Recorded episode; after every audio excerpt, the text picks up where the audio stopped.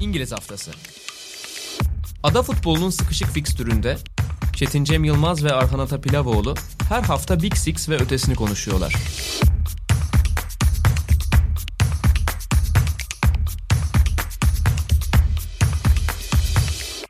Hepinize merhaba. Sokrates Podcast'te İngiliz haftasına hoş geldiniz. Ben Çetin Cem Yılmaz, Arhan Atapilavoğlu ile beraber Premier Lig'in bu hafta oynanan maçlarını konuşacağız. Premier Lig kısa bir araya girdi tabii ki şimdi milli maç arası öncesi.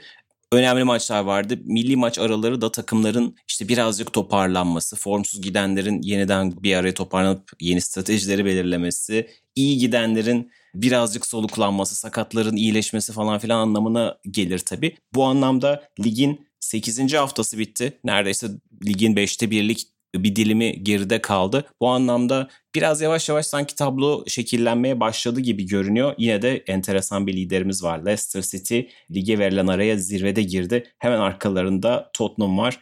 Liverpool ise 3. sırada Manchester City ile kritik bir maç oynadılar. Bu maçta 1-1 beraberlikle sonuçlandı. Son yılların imza maçlarından bir tanesidir Manchester City Liverpool maçları ve özellikle Klopp'la Guardiola'nın ta Almanya'dan gelen rekabetlerin de tabii ki İngiltere'de iyice zirveye çıkartmalarıyla ayrı bir anlam taşımıştı. Bu anlamda güzel bir hafta finali oldu diyebiliriz. Tabii haftanın son maçı değildi Manchester City Liverpool maçı ama yine de bize mesajlar veren belki tam temponun çok yüksek olmadığı ama yine de ilginç mesajlar, ilginç doneler sunan bir maçtı. Karşılıklı ilk yarıda atılan gollerle de 1-1 sonuçlandı. Arhan bu noktada hemen topu sana atayım. Badettiğini verdi mi sence bu maç diyelim ve onun dışında gözüne çarpanlar nelerdi Manchester City Liverpool karşılaşmasından? Abi ben çok üste koyduğum için maçı ikinci yarı özellikle kafamda düşündüklerimden biraz daha altta bir performans izledik maç genelinde. Tabii ki bunda pek çok faktör var. Birazdan ilerleyen dakikalarda konuşacağız. İşte fikstür yoğunluğu, oyuncuların fiziksel durumu, ne olursa olsun bir pandemi gerçeğinin devam etmesi ister istemez oyuncuların fiziksel olarak pres yapmasını, baskı yapmasını, koşu mesafelerini arttırmasını, sprint sayılarını arttırmasını engelliyor. Tabii ki bu işin bir de mental tarafı var. Fiziksel olduğu kadar çok önemli bir taraf. Hafta içerisinde 2-3 maça çıkmaya alışmış oyuncular bu isimler ama yaz tatilini bu kadar kısa sürede yaptıktan sonra yani Şampiyonlar Ligi'ni 2 ay önce oynayıp şimdi tekrardan Şampiyonlar Ligi'ni 3 hafta üst üste oynamak. Arada kupa maçları, lig maçları devam ediyor. Gerçekten insanüstü bir durum var ortada. Bu da ister istemez çok büyük maçlara da yansıyor. Burada yansımasının ikinci yarıda o düşüşün bence birkaç sebebi daha var. Onlardan bir tanesi iki takımın da artık kaybetmemeye ufak ufak oynamaya başlaması. Yani şu an bu maçı kaybetmenin iki takımdan da çok büyük şeyler götüreceğini söylemek doğru olmaz. Liverpool için özellikle bu maçta alınan bir puan bence çok üzücü olmamıştır. Hatta Gabriel Jesus da maçtan sonra bizim için çok iyi olmayan ama Liverpool için çok kötü olmayan bir sonuç gibisinden açıklama yapmıştı. Haksız da sayılmaz aslında. Çünkü Manchester City bu sezonki 3. beraberliğini aldı. 3 galibiyeti var. İşte Leicester mağlubiyeti var. Beklenenden kesinlikle uzak başlamış durumdalar. Bu maça da bence biraz yansıdı. Yani Liverpool maça çok kuvvetli başladı.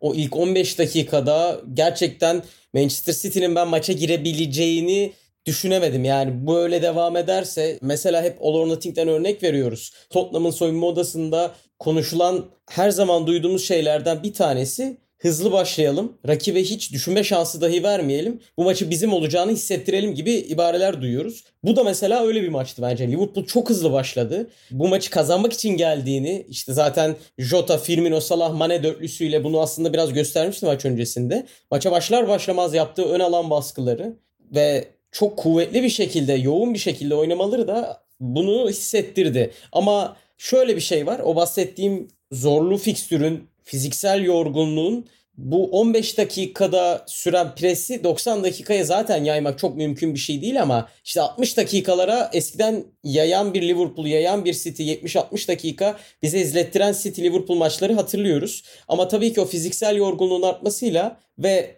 3 puan almanın çok da önemli olmamasıyla 60-70 sonrası oyun tamamen grafik olarak aşağı inmeye başladı. Biraz maçın başını konuşacak olursak Sheffield United maçına benzer bir şekilde çıktı Liverpool sahaya. 4-2-3-1 gibi düşünüyorduk ama baskıda topsuz oyunda tamamen bir 4-4-2 vardı sahada. Hatta şöyle ki City'nin birinci bölgesinde bir 4-2-4 vardı. Yani bekler Liverpool'un kanatlarıyla eşleşiyor ve Salah'la Firmino iki santrfor Diaz ve Laporte'la eşleşiyordu.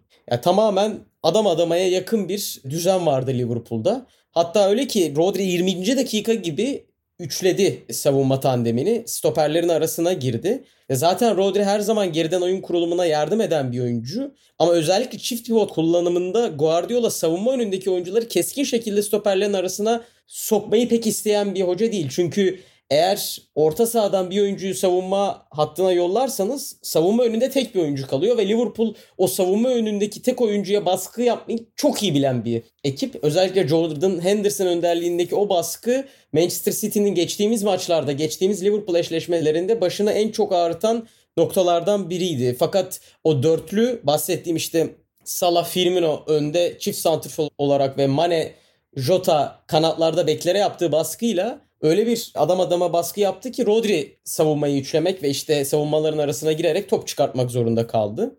Genel anlamda ilk 10 dakikada yine bahsettiğim gibi Liverpool'un %60 topla oynama oranı var ki bu City'nin evet topu son maçlarda, son eşleşmelerde bıraktığını biliyoruz ama yine ne kadar güçlü girdiğini aslında Liverpool'un biraz gösteren bir detay. Bir de ben Jesus konusuna da inmek istiyorum. Maç öncesinde Guardiola, Gabriel Jesus'un varlığı sahada bize çok özel şeyler verebiliyor gibi bir açıklama yapmıştı.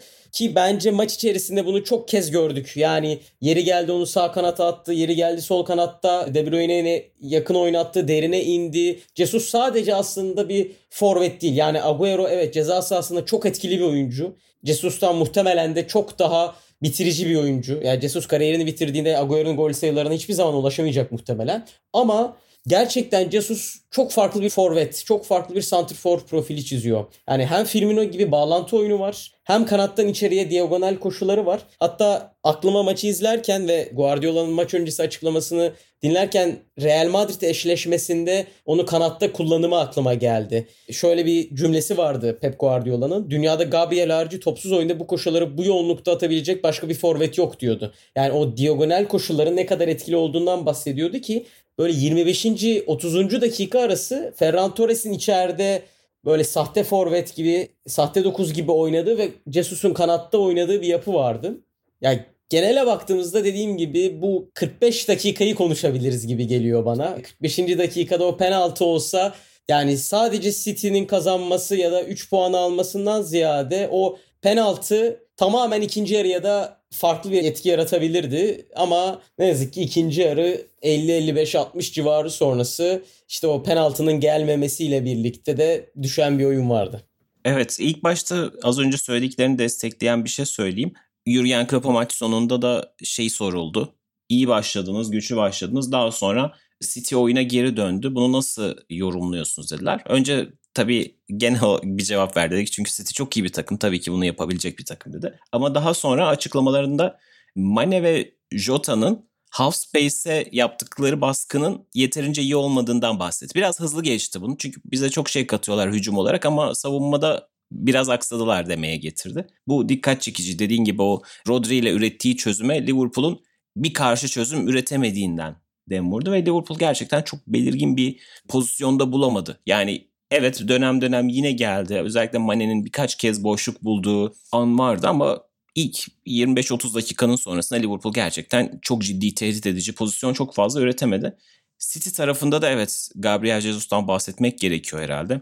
Yani gol sayılarıyla zaten hep tartışılan bir isim doğrudur. Özellikle işte Agüero gibi bir isimle kıyaslanması haliyle insanların kafasında soru işaretleri yaratıyor. Ben de her zaman çok fazla beğendiğim bir forvet değildir Jesus ama sahaya kattıklarını gerçekten çok net görüyorsunuz. Yani bugün varlığı Manchester City sezon başından beri en yüksek seviyesine çıktığını gördük diyebiliriz. Agüero zaten sezon başında sakattı. Daha sonra birkaç maç dönebildi tekrar onu kaybetti. Onun yokluğunda işte Sterling'i, Mahrez'i denediği işte false nine, sahte 9 denediği maçlar oldu ama gerçekten o odak noktası bir forvet ne kadar bir takım için önemli bunu çok net gösterdi. Çok kaliteli bir gol attı bu arada. pek çok maçı yorumlayanlar tarafından da Bergkamp'ın Newcastle attığı meşhur gole referans yapıldı. Hani onun gibi. Hatta yorumcular da acaba isteyerek mi yaptı o çalımı diye düşündüler ama bence kesinlikle isteyerek yaptı. Yani çok zekice bir şekilde oyundan düşürdü Trent Alexander-Arnold'u ve golü de yaptı. Ve sakatlıktan döndüğünden bu yana 3 maç 3 gol oldu. Yani Avrupa ile beraber. Gabriel Jesus'un varlığı kesinlikle City adına çok pozitif etki yaratacak gibi görünüyor. Dediğim gibi Liverpool Sheffield United maçından beri 4 silahşörünü aynı anda kullanmaya başladı. Gerçi Atalanta maçında Firmino'yu oturtmuştu Klopp ama tekrar bu dizilişle sahada olmaları çok şaşırtıcı değildi. Dediğin gibi evet hem 4-2-4, 4-2-3-1 şeklinde yorumlanabilir, 4-4-2 şeklinde yorumlanabilir ama totalde baktığımızda işte 4 hücumcuyla sahada yer alıyor Liverpool. Bu anlamda önceki karşılaşmada Sheffield United maçında mesela Henderson ve Wijnaldum'un oyununu çok beğenmiştim. Bugün de çok beğendim ama bugün mesela çok daha fazla haliyle yük bindi üzerlerine. Dolayısıyla bu öndeki dördü taşımak iki oyuncuya kalınca birazcık iş daha çok zorlaşabiliyor. Liverpool o yüzden de istediği oyunu oynamakta biraz zorluk çekti belli bir süreden sonra. İşte yorgunluktan bahsedebiliriz. Bu bahsettiğim Klopp'un da hücum oyuncularının yeteri kadar baskıyı işte o yoğunlukta sürdürememesi, Manchester City savunmasını yeterince rahatsız etmeye devam edememesi örnek gösterilebilir ama evet City yavaş yavaş oyunu aldı. Skoru da almak üzereydi. Kevin De Bruyne penaltıyı kaçırdı. İkinci yarında en net pozisyonu Gabriel Jesus'un kafasıydı. Yani yine bir kez daha gole çok yaklaştılar. Ama maçın sonunda da enteresan olan hani bir değişiklik yaptı. Fakat yine Şakir'i oyunu aldı. Klopp. Yani hücum gücünden vazgeçmedi. Orta sahayı güçlendirecek farklı bir değişiklik yapmadı. Gerçi artık çok alternatifleri de azalmış durumda. Yedek kulübesinde de bu hamleleri yapabilecek çok oyuncu yok ama yine de aldığı oyuncunun Şakir'i olması planına inandığını gösteriyordu bir anlamda. Hani diziliş tekrar Liverpool'un klasik 4-3-3'üne çevirmedi. Benzer şekilde devam etti. Ama dediğin gibi maçın son bölümleri birazcık şey havasındaydı. Yani maçtan önce de eğer bir puan verilseymiş çıkmazdık hissini verdi biraz. Tabii ki hiçbir takım sahaya beraberlik için çıkmaz. Hele bu kadar kaliteli takım ama bir noktada oyunun kırılmayacağı ve bu anlamda bir puanla da tatmin olunabileceği bir görüntü verdi. Özellikle Liverpool için.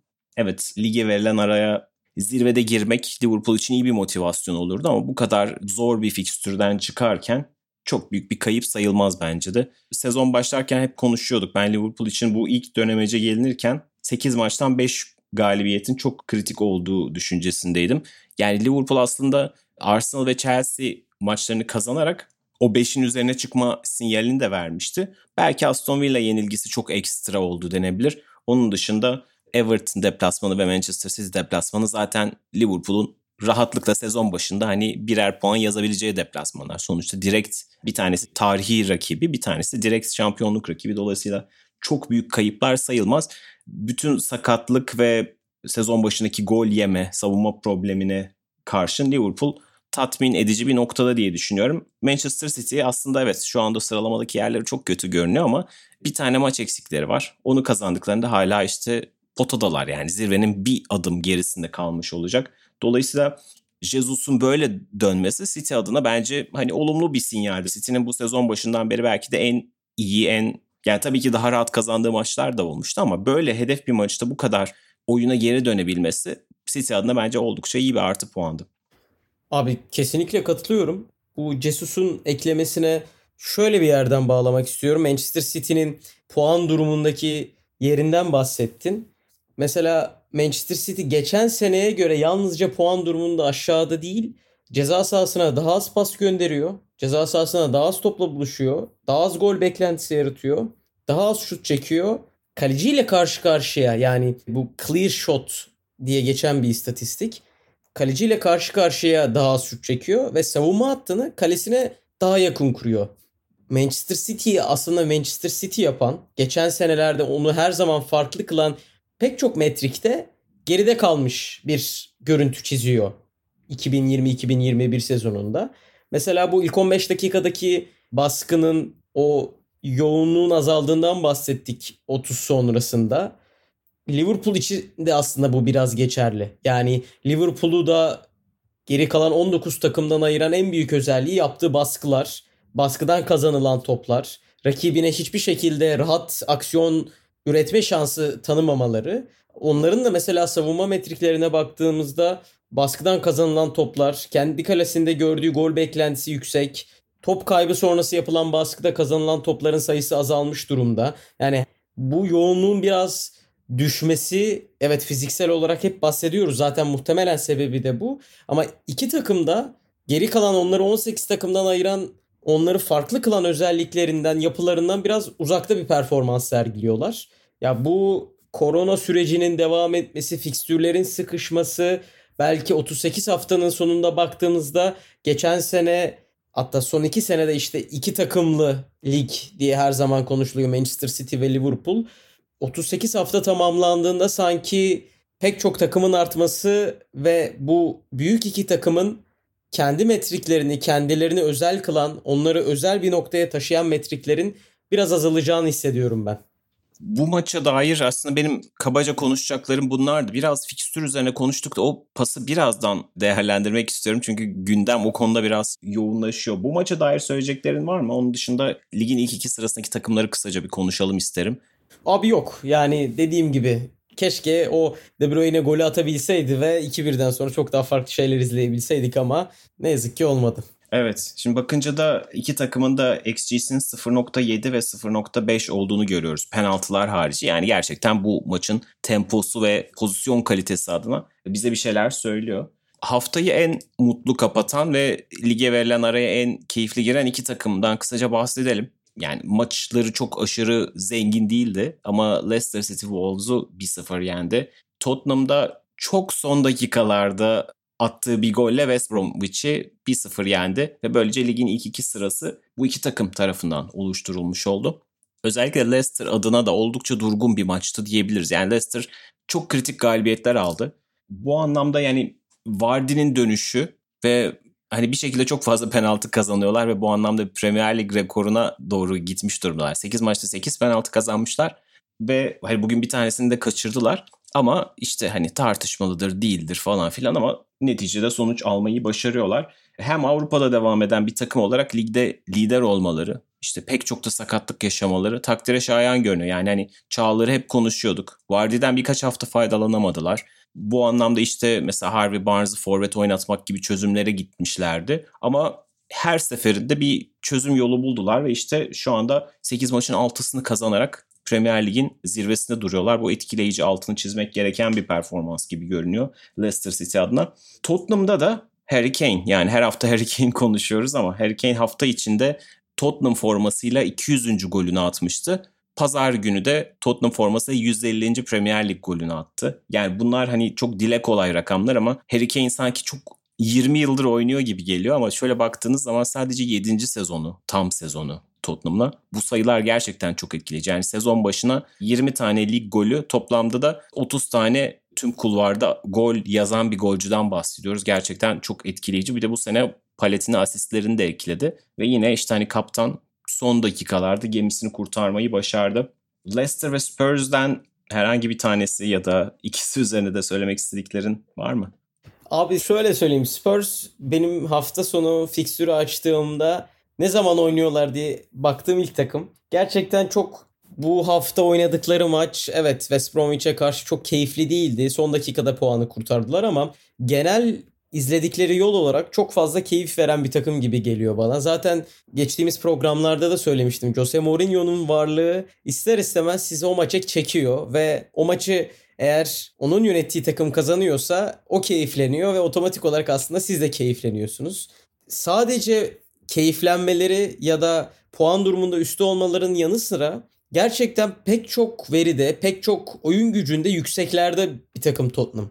Yani evet Son ve Harry Kane'in inanılmaz performanslarından bahsediyoruz ama geçen programda bahsetmiştim. Orta saha yapılarının hiç değişmemesi, yani Manchester City değişebiliyor. Mesela İlkay Şampiyonlar Ligi'nde oynarken Premier Lig'de oynamayabiliyor. Chelsea'deki orta saha üçlüsü maçtan maça çok kez değişiyor ama Tottenham'ın orta saha üçlüsü artık sabit. Savunması artık sabit gibi gözüküyor. Matt Doherty sağ bek, solda Reguilon, stoper Dyer ve Toby Alderweireld gibi gözüküyor. İleri ucunda da mesela Gareth Bale 11 başladı. Orası da artık şekillenmiş gibi. Yani Tottenham'ın şampiyon olması bence hala çok zor. 38 hafta içerisinde çok fazla şey değişiyor ve bu değişen pek çok faktör Tottenham'ın geçen sene çok fazla yakındığı şeylerdi. Sıkışık fikstür, oyuncuların sakatlanması, form durumunun değişmesi bunlar Tottenham'ın uzun süre sabit bir performansa devam edememesi için birçok somut neden. Ama şu an için sundukları şeyler örneğin maç başına kendi kalelerinde en az gol beklentisi gören takımlardan birisi Tottenham ve tam tersine çok fazla gol beklentisi üretiyorlar. Şut başına yarattıkları gol beklentisi yani şutlarının kalitesi çok yüksek. Sadece sonuç almıyorlar. Yani West Bromwich maçında evet kaybettiler ama ondan önce mesela bakıyoruz Newcastle maçında son dakikada kaybedilen, West Ham maçında son dakikada kaybedilen puanlar. Genellikle örneğin gol beklentisi üzerinden yapılan tahminler her zaman uzun vadede yapılır. Çünkü uzun vadede eğer sizin gol beklentiniz yüksekse kısa vadede bunu gösteremeyebilirsiniz ama uzun vadede o gol beklentileriniz gollerinize işlenecektir ya da işte tam tersi kalenizde gördüğünüz gol beklentisi 5 iken siz gidip 10 gol yediyseniz uzun vadede o 10 gol sayısı 5'e doğru azalacaktır. Ve görünen o ki şu an Tottenham'ın gol beklentisi de kalesine gördüğü gol beklentisi de ya da şut kalitesi ya da işte savunmada baskı kalitesi şu an hepsi hem kısa vadede sonuç veriyor hem uzun vade için iyi ışıklar veriyor. Her zaman söylüyorum rekabetçi bir Jose Mourinho'yu 38 hafta görebilmek çok keyifli bir şey. Umarım aynen bu şekilde devam ederler. Leicester için evet çok fazla penaltı kullanan bir takım. Çok fazla bu penaltılardan yararlanan bir takım. Manchester City maçını zaten hatırlıyoruz ama benim Leicester'da dikkat çekmek istediğim bir nokta var. O da oyunlarını geçtiğimiz seneye nazaran çok iyi şekilde değiştirmeleri. Ya geçtiğimiz sene çok baskıcı bir takımdı. Çok yoğun baskı yapabilen bir takımdı ama bu sene bu baskıyı çok fazla görmüyoruz Leicester'da. Ve mesela şutlarını çok kaliteli çekebilen bir takım. Zaten Jamie Vardy'nin yokluğu da varlığı da Leicester'ın oyununa bu noktada çok fazla etki ediyor. Mesela Van Dijk'ın kaybından bahsettik geçtiğimiz haftalarda.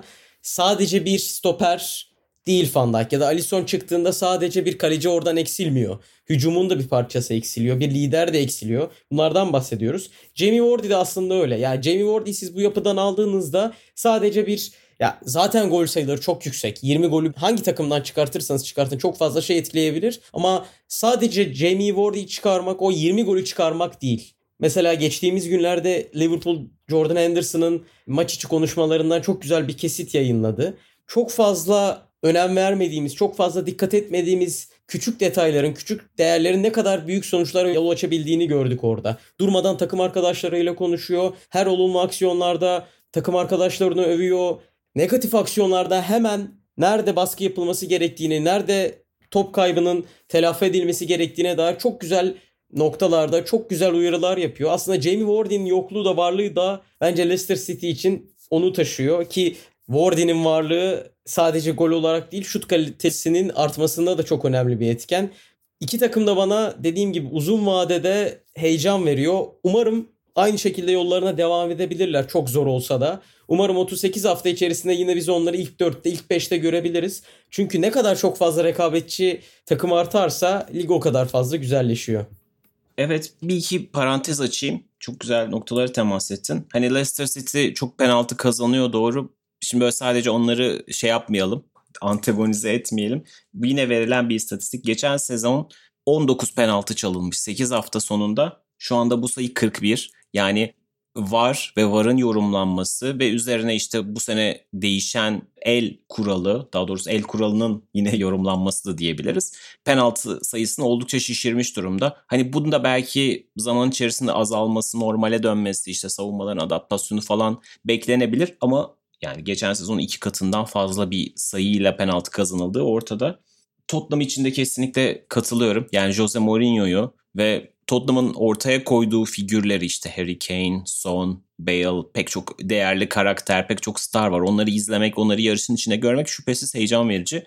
Birazcık fikstürün onlara iyi davrandığını söylemek gerekiyor şu ana kadar diye çok ciddi sert bir fikstürle geri dönecekler. Geçen hafta da konuşmuştuk yine hatırlatmakta fayda var. Milli aranın dönüşünde Manchester City ile oynuyorlar. Daha sonra Chelsea, sonra Arsenal, daha sonra Crystal Palace, Liverpool, Leicester. Yani Big Six rakipleri arasında sadece Manchester United'da oynamışlardı. Bundan sonraki 5 maçın 4'ü direkt Big Six rakiplerine karşı. 6. maçları da Leicester City Lig'in form takımı. Dolayısıyla çok ciddi bir test bekliyor onları milli ara dönüşünde.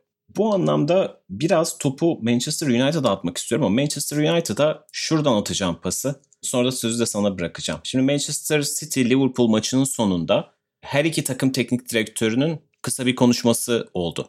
Klopp Guardiola'nın yanına gitti ve bir şeyler söyledi. Maçtan sonra ona soruldu. Ne dediniz? İşte penaltı pozisyondan bahsettiniz falan dedi. Hayır kesinlikle bundan bahsetmedim dedi. Pardon Guardiola'ya soruldu. Klopp size ne dedi diye. Hayır hiç pozisyon konuşmadık dedi.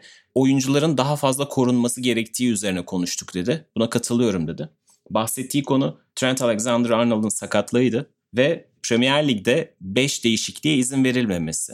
Bildiğiniz gibi işte pek çok ligde Şampiyonlar Ligi dahil 5 değişiklik kullanılıyor hala. Premier Lig ise Covid arası sonrasında ligin kalan işte son 10-11 haftasında 5 değişikliğe izin vermişti ama bu sezon izin vermiyor buna. Ve her iki takım teknik direktörü de Klopp da daha sonra maçtan sonra bundan bahsetti. Biz oyuncularımızı korumuyoruz dedi. Guardiola da aynı şekilde Premier Lig oyuncularını korumuyor dedi. Diğer bütün organizasyonlarda 5 değişiklik hakkı var. Burada sadece 3 veriliyor. Bunu anlamak mümkün değil dedi. Klopp da bunun çok büyük bir yanlış olduğunu bunun güç dengesiyle alakalı olarak lanse edildi ama bunun güç dengesiyle alakası olmadığını çok yoğun fikstür sırasında oyuncuların korunmak için 5 değişikliğe izin verilmesi gerektiğini söyledi. Liverpool henüz ne kadar olduğunu bilmemekle beraber Trent Alexander-Arnold'u da kaybetmiş oldu bu esnada. Senin de bahsettiğin gibi şu anda çok yoğun bir trafikte takımlar.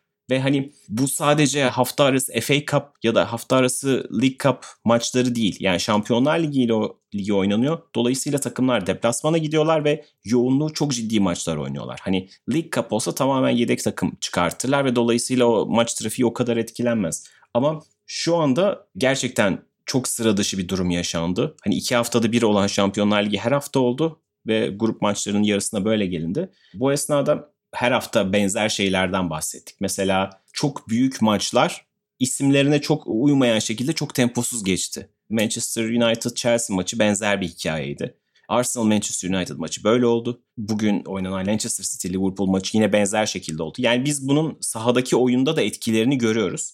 Ve cumartesi sabahı yani İngiltere saatiyle de öğleden sonrası ilk maçında Everton Manchester United oynadı.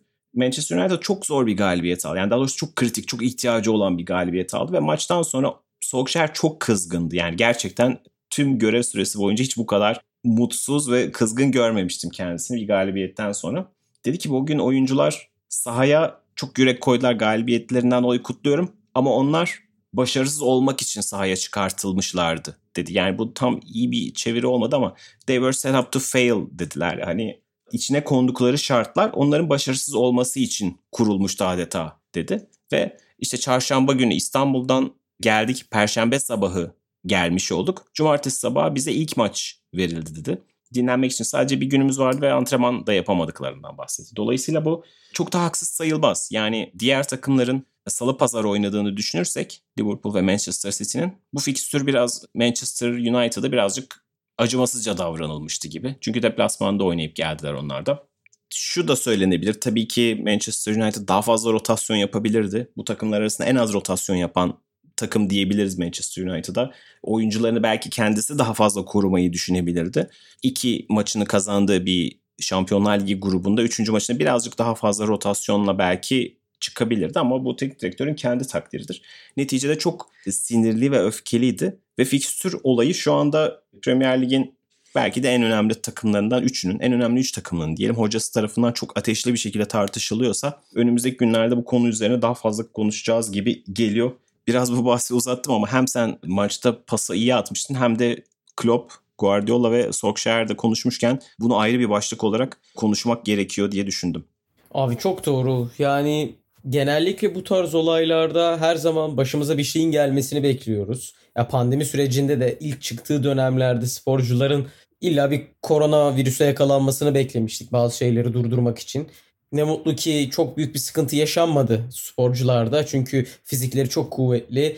Koronavirüsü rahatlıkla atlatabiliyorlar ama bu tarz olaylarda aynı şey çok mümkün değil. Çünkü kas yorgunluğu ve kas sakatlıkları hem süre olarak hem de geri dönüş olarak çok fazla sporcuların, futbolcuların canını yakan olaylar. Yani koronavirüs tamam e, fiziksel olarak yüksek fiziğe, yüksek kondisyona sahip olmanız iyi bir şey ama bu kadar fazla sıkışık fikstürde teknik direktörler, bu işin üstadları, bu işi en iyi bilen insanlar bu kadar fazla bu işin doğru olmadığını söylüyorsa onlara kulak vermeniz gerekiyor. Çünkü olası bir sakatlıkta işte görüyoruz yani Trent de örneğin bir 3 ay, 4 ay, 5 ay sakatlanırsa şampiyonluğun en büyük adayı şampiyon olamayabilir. Yani savunma hattındaki en önemli iki ismini kaybettikten sonra şampiyon olmamız çok zorlaşabilir. Ya da aynı şekilde Manchester City için de geçerli ya da küme düşme hattında Fulham için de geçerli, West Bromwich için de geçerli. Bu yüzden her gün oyuncularla birlikte olan, her gün fizyoterapistlerle konuşan, her gün sağlık çalışanlarıyla konuşan teknik direktörleri dinlememek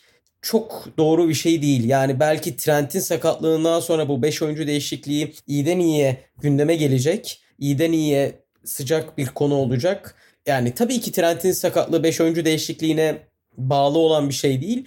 Ama uzun vadede aslında ona da bağlı olan bir şey. Bu fikstür sıkışıklıkları, 5 oyuncu değişikliği vesaire oyuncuyu ön plana çıkarmak bence spor dünyasının yapması gereken ilk şey ama her maça, her fikstüre olağanüstü bir yoğunluk katmak, oyuncu değişikliklerini azaltmak ne yazık ki şu anda oyuncu sağlığını ve oyuncunun önemini birinci planda göstermiyor.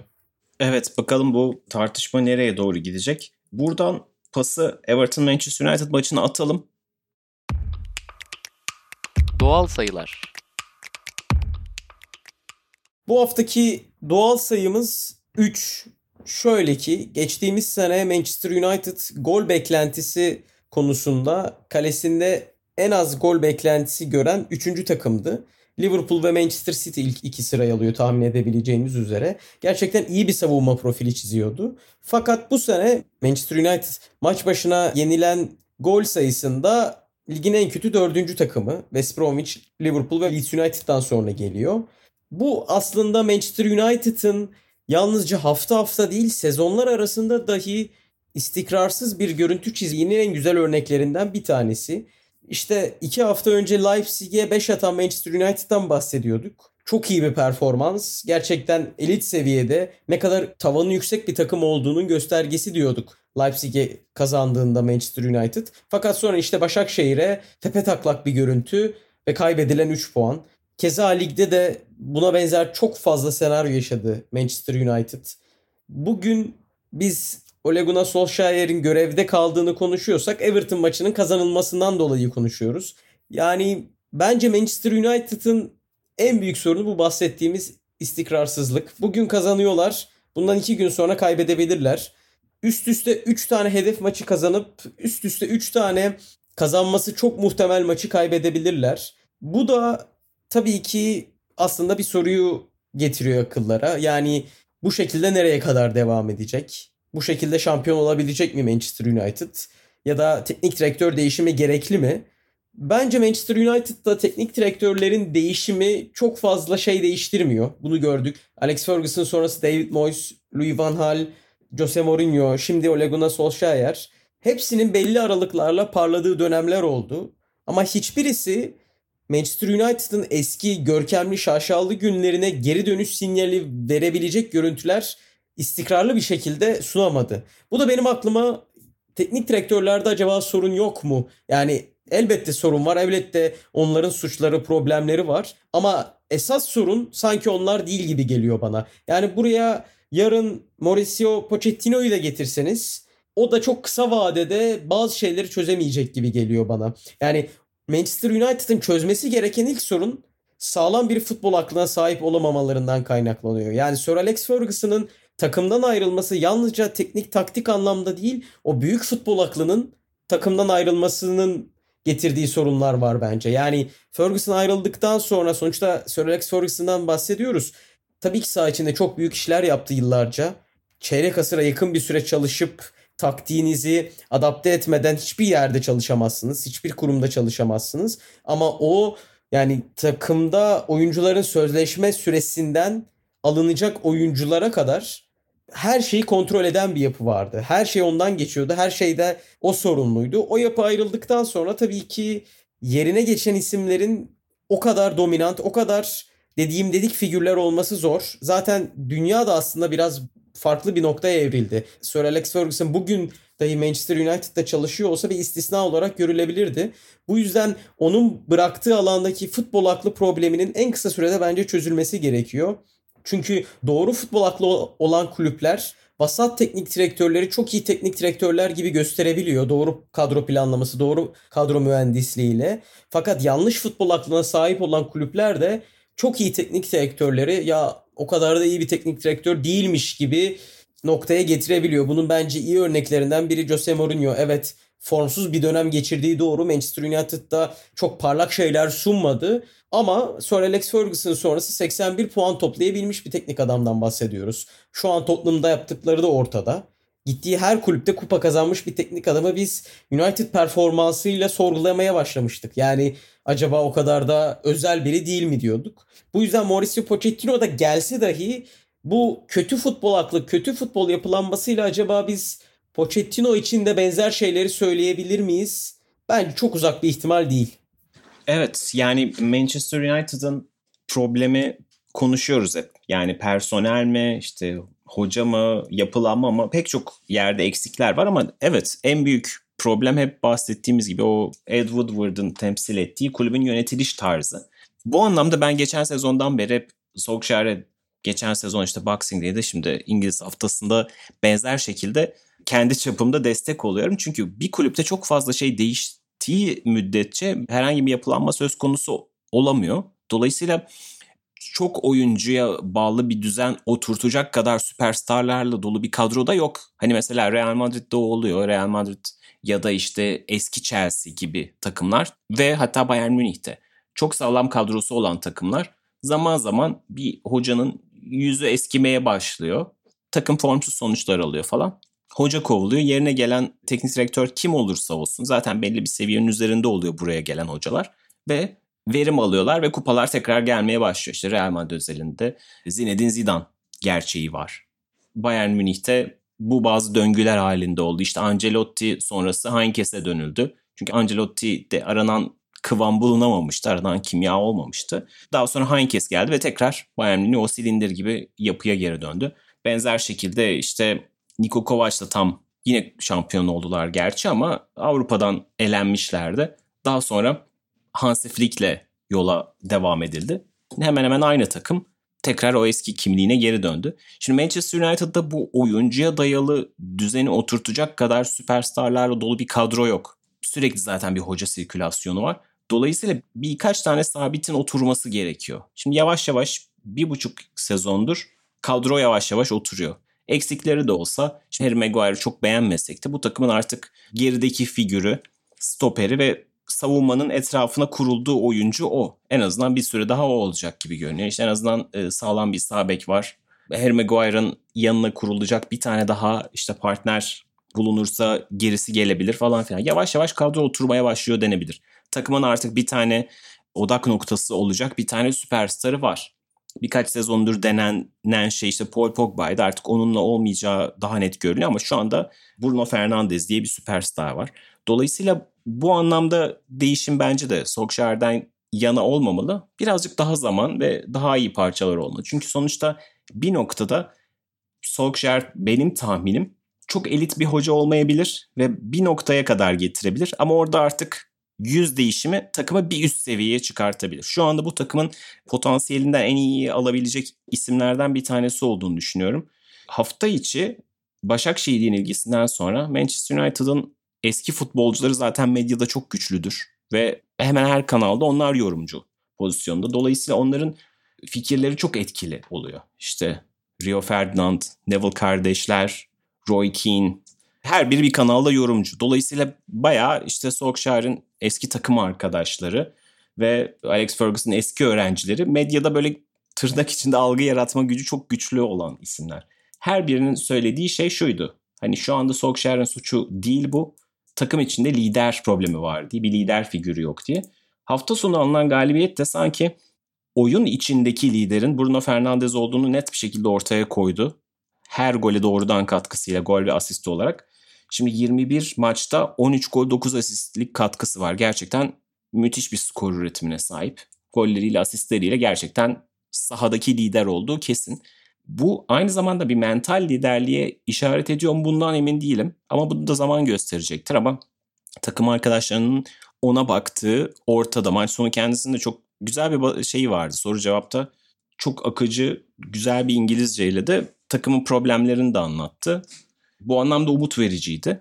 Kendisinin hani bahsedilen liderlik figürüne en büyük aday olduğu ortada.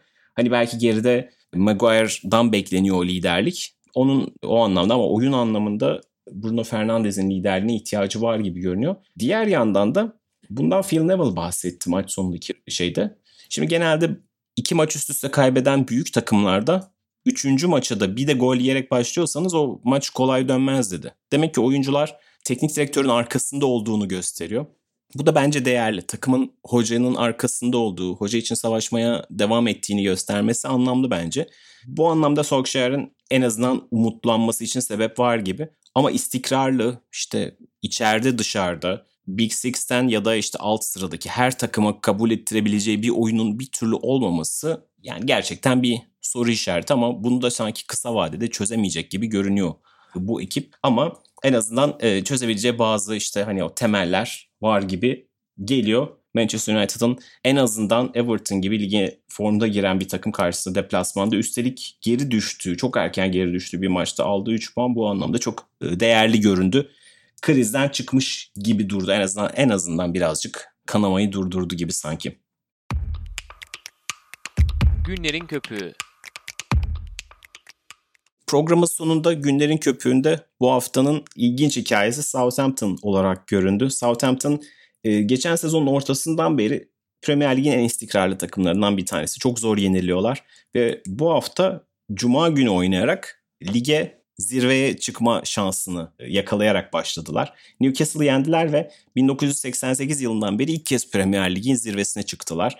E, bu çok uzun sürmedi gerçi. iki gün e, zirvede kaldılar. Tottenham ve Leicester City daha sonra e, onları yerlerinden etti. Ama neticede bir gerçek var ki Southampton Premier Lig tarihinde ilk kez bir günlük de olsa e, zirveye konmuş oldu. Hatta bunu da son günlerin Amerikan seçimlerindeki popüler sloganı Stop the Count, sayımı durdurun diye eğlenceli bir tweetle de Cuma gecesi hemen tweetlediler ve o gece için interneti de kazanmış oldular. Southampton'da çok söylenecek şey var ama 1990'larda Premier Lig'e tutkun olan benim kuşağımdan insanlar için Southampton'ın yeri ayrıdır, tadı ayrıdır. Matt Letitia o Premier Lig'in en özel, en e, enteresan oyuncularından bir tanesiydi çünkü. E, daha sonra 2000'lerde bilenler için de herhalde Southampton o sürekli yıldız yetiştiren, kendi kimliği olan ve altyapısına, o öz kaynağına çok e, yatırım yapan bir kulüp olarak değerlidir. Tabii ki işte Theo Walcott'u biliyoruz şu anda tekrar yuvasına dönmüş durumda. Gareth Bale'ı e, İngiliz futbol piyasasına kazandıran takımdır aynı zamanda. İşte Oxlade Chamberlain'i biliyoruz. Aynı zamanda iyi scoutingle buldukları oyuncuları Premier Lig'in diğer takımlarına satma konusunda da oldukça başarılılardır. İşte buna Adam Lallana, Ricky Lambert, Dejan Lovren, Nathaniel Klein e, gibi ve tabii ki Van Dijk gibi pek çok örneği var. Liverpool'a oldukça güçlü bir hat kurdukları da bir gerçek. Bu anlamda hep bir rengidir Southampton Premier Lig'in. Son yıllarda hem iyi scouting hem de iyi yapılanma sonucu buldukları hocalar, hocaların arkalarında durması ve onların o futbol felsefesine uygulamalara imkan sunan yapıyı kurmalarıyla gerçekten Premier Lig'in hep değerli, keyif veren takımlarından bir tanesi oldular. Hatırlanır ki işte Pochettino da Premier Lig'e girişini Southampton'dan yap, Southampton'dan yapmıştı. E, Ralph Hasenhüttl da çok değerli, çok güzel bir yapı kurdu orada ve sadece bir günlüğüne liderlikte kalıp düştüler belki ama Premier Lig'de işte dediğim gibi 8. hafta bittiğinde hala 4. sıradalar ve çok değerli bir hikaye yazıyorlar. Onlara da e, buradan mutlaka e, dikkat çekmek gerekiyor diye düşünüyorum. Sen e, Southampton'ın oyununu nasıl buluyorsun? Abi oyununa geçmeden önce çok güzel bir noktaya temas ettin. Teknik direktör değişimini çok kolay yapmamalarından bahsetmiştin. İnsanların aklına her zaman 9-0'lık mağlubiyetten sonra Leicester City'ye karşı alınan nasıl kovulmadığı sorusu geliyor Ralf Hasenhüttl'ün. Kendisi yani Türkiye'de olsa zaten o maçtan önce zaten iki galibiyeti var o haftaya kadar. Sonrasında da benim değinmek istediğim nokta oydu. Manchester City'ye ve Everton'a yeniliyorlar. Arsenal'la da berabere kalıyorlar. Yani 9-0'dan sonra da galibiyet getirerek bir şekilde Hasan Ötül kalmıyor. Yani çok enteresan bir durum var orada. Gerçekten bir teknik direktöre güvenmenin ne demek olduğunu en iyi özetleyen noktalardan birisi. Belki bunu Premier Lig'deki başka kulüplerde de göremeyiz. Çünkü 9-0 gerçekten çok enteresan bir skor. Fakat takımda bir insana güvendiğinizde gerçekten güvenmenin ne kadar farklı şeylere yol açabileceğinin güzel bir örneği bence Southampton. Yoksa dünyadaki hemen her kulüpte işte teknik direktörümüze, hocamıza güveniyoruz açıklamalarını duyuyoruz. Ama dünyadaki çok ama çok az sayılı kulüpte 9-0 gibi faciadan sonra üstüne de oynanan 3 maçta galibiyet alınamamasına rağmen bir teknik adamla yola devam edilir. Hatta geçenlerde bir yazı okumuştum. Everton mağlubiyetinden sonra oynanan Premier Lig maçlarında Southampton 5. sırada. Ve Southampton'dan o süre zarfında bugüne kadar Premier Lig'de daha fazla galibiyet alan iki kulüp var. Zaten onların kim olduğunu tahmin edebiliyorsunuz. Liverpool ve Manchester City. O günden sonra üstüne koyarak geldikleri nokta gerçekten takdire şayan. Şöyle StatsBomb'dan aldığım verilere bakarak söylüyorum bunları. Ligin baskıdan en çok top kazanan 5. takımı Southampton. Ligin top kaybından 5 saniye sonra en çok top kazanan takımı ise birinci sırada Southampton'ı görüyoruz. Ve yüksek presin yoğunluğunu ölçen bir metrik var. PPDA diye geçiyor. Baskıyı yapan ya da savunmayı yapan takımın yaptıkları savunma aksiyonu başına rakiplerinin kendi alanına yaptığı pas sayısı. PPDA'nın açılımı. Eğer bu veri düşük ise yani siz savunmayı baskıyı yaptığınızda karşı takım daha az pas yapıyorsa yani bu PPDA dediğimiz veri daha düşük ise bu çok daha iyi baskı yaptığınız anlamına geliyor. Örneğin büyük bir perspektife oturtmak için söylemek gerekirse genellikle Liverpool'un, Manchester City gibi çok iyi baskı yapan takımların bu istatistiği 7, 8, 9 arasında seyrediyor. Şu an Premier Lig'de bu veride lider takım bu da tahmin edebileceğiniz bir takım aslında. Leeds United. İkinci sırada ise Southampton var. Yani Leeds United'ın, Liverpool'un, Manchester City'nin çok iyi baskı yapan, çok yoğun oynayan, hem hücumda hem savunmada her türlü yoğunluğu, baskıyı kurabilen takımlar olduğundan her zaman bahsediyoruz. Ama Southampton sessiz sedasız şekilde bu metriklerde tamamen zirveye çıkmayı başarabilmiş bir takım. Umarım Leicester City gibi onlar da 2 sene içerisinde çok istikrarlı bir yapıya bürünüp ilk 4 ilk 5 çok zor gözüküyor uzun vadede ama ilk 6'da ilk 7'de Wolverhampton gibi bir renk olmaya devam edebilirler. Evet Premier Lig'de sezon devam ettikçe takip ettiğimiz hikayelerden bir tanesi olacak hiç şüphesiz Ralph Hasenhüttl ve e, Southampton. Biz de bu haftalık İngiliz haftasını kapatıyoruz. Lige e, milli ara gelecek dolayısıyla iki hafta sonra tekrar bir arada olacağız ve e, dönüşte de harika maçlar var. Yani yine bir Super Saturday, Süper Cumartesimiz olacak. E, Liverpool, Leicester City, Tottenham, Manchester City maçlarının olduğu harika bir geri dönüş olacak. E, o zamana kadar kendinize çok iyi bakın dinlediğiniz için teşekkür ederiz. Hoşçakalın. Hoşçakalın.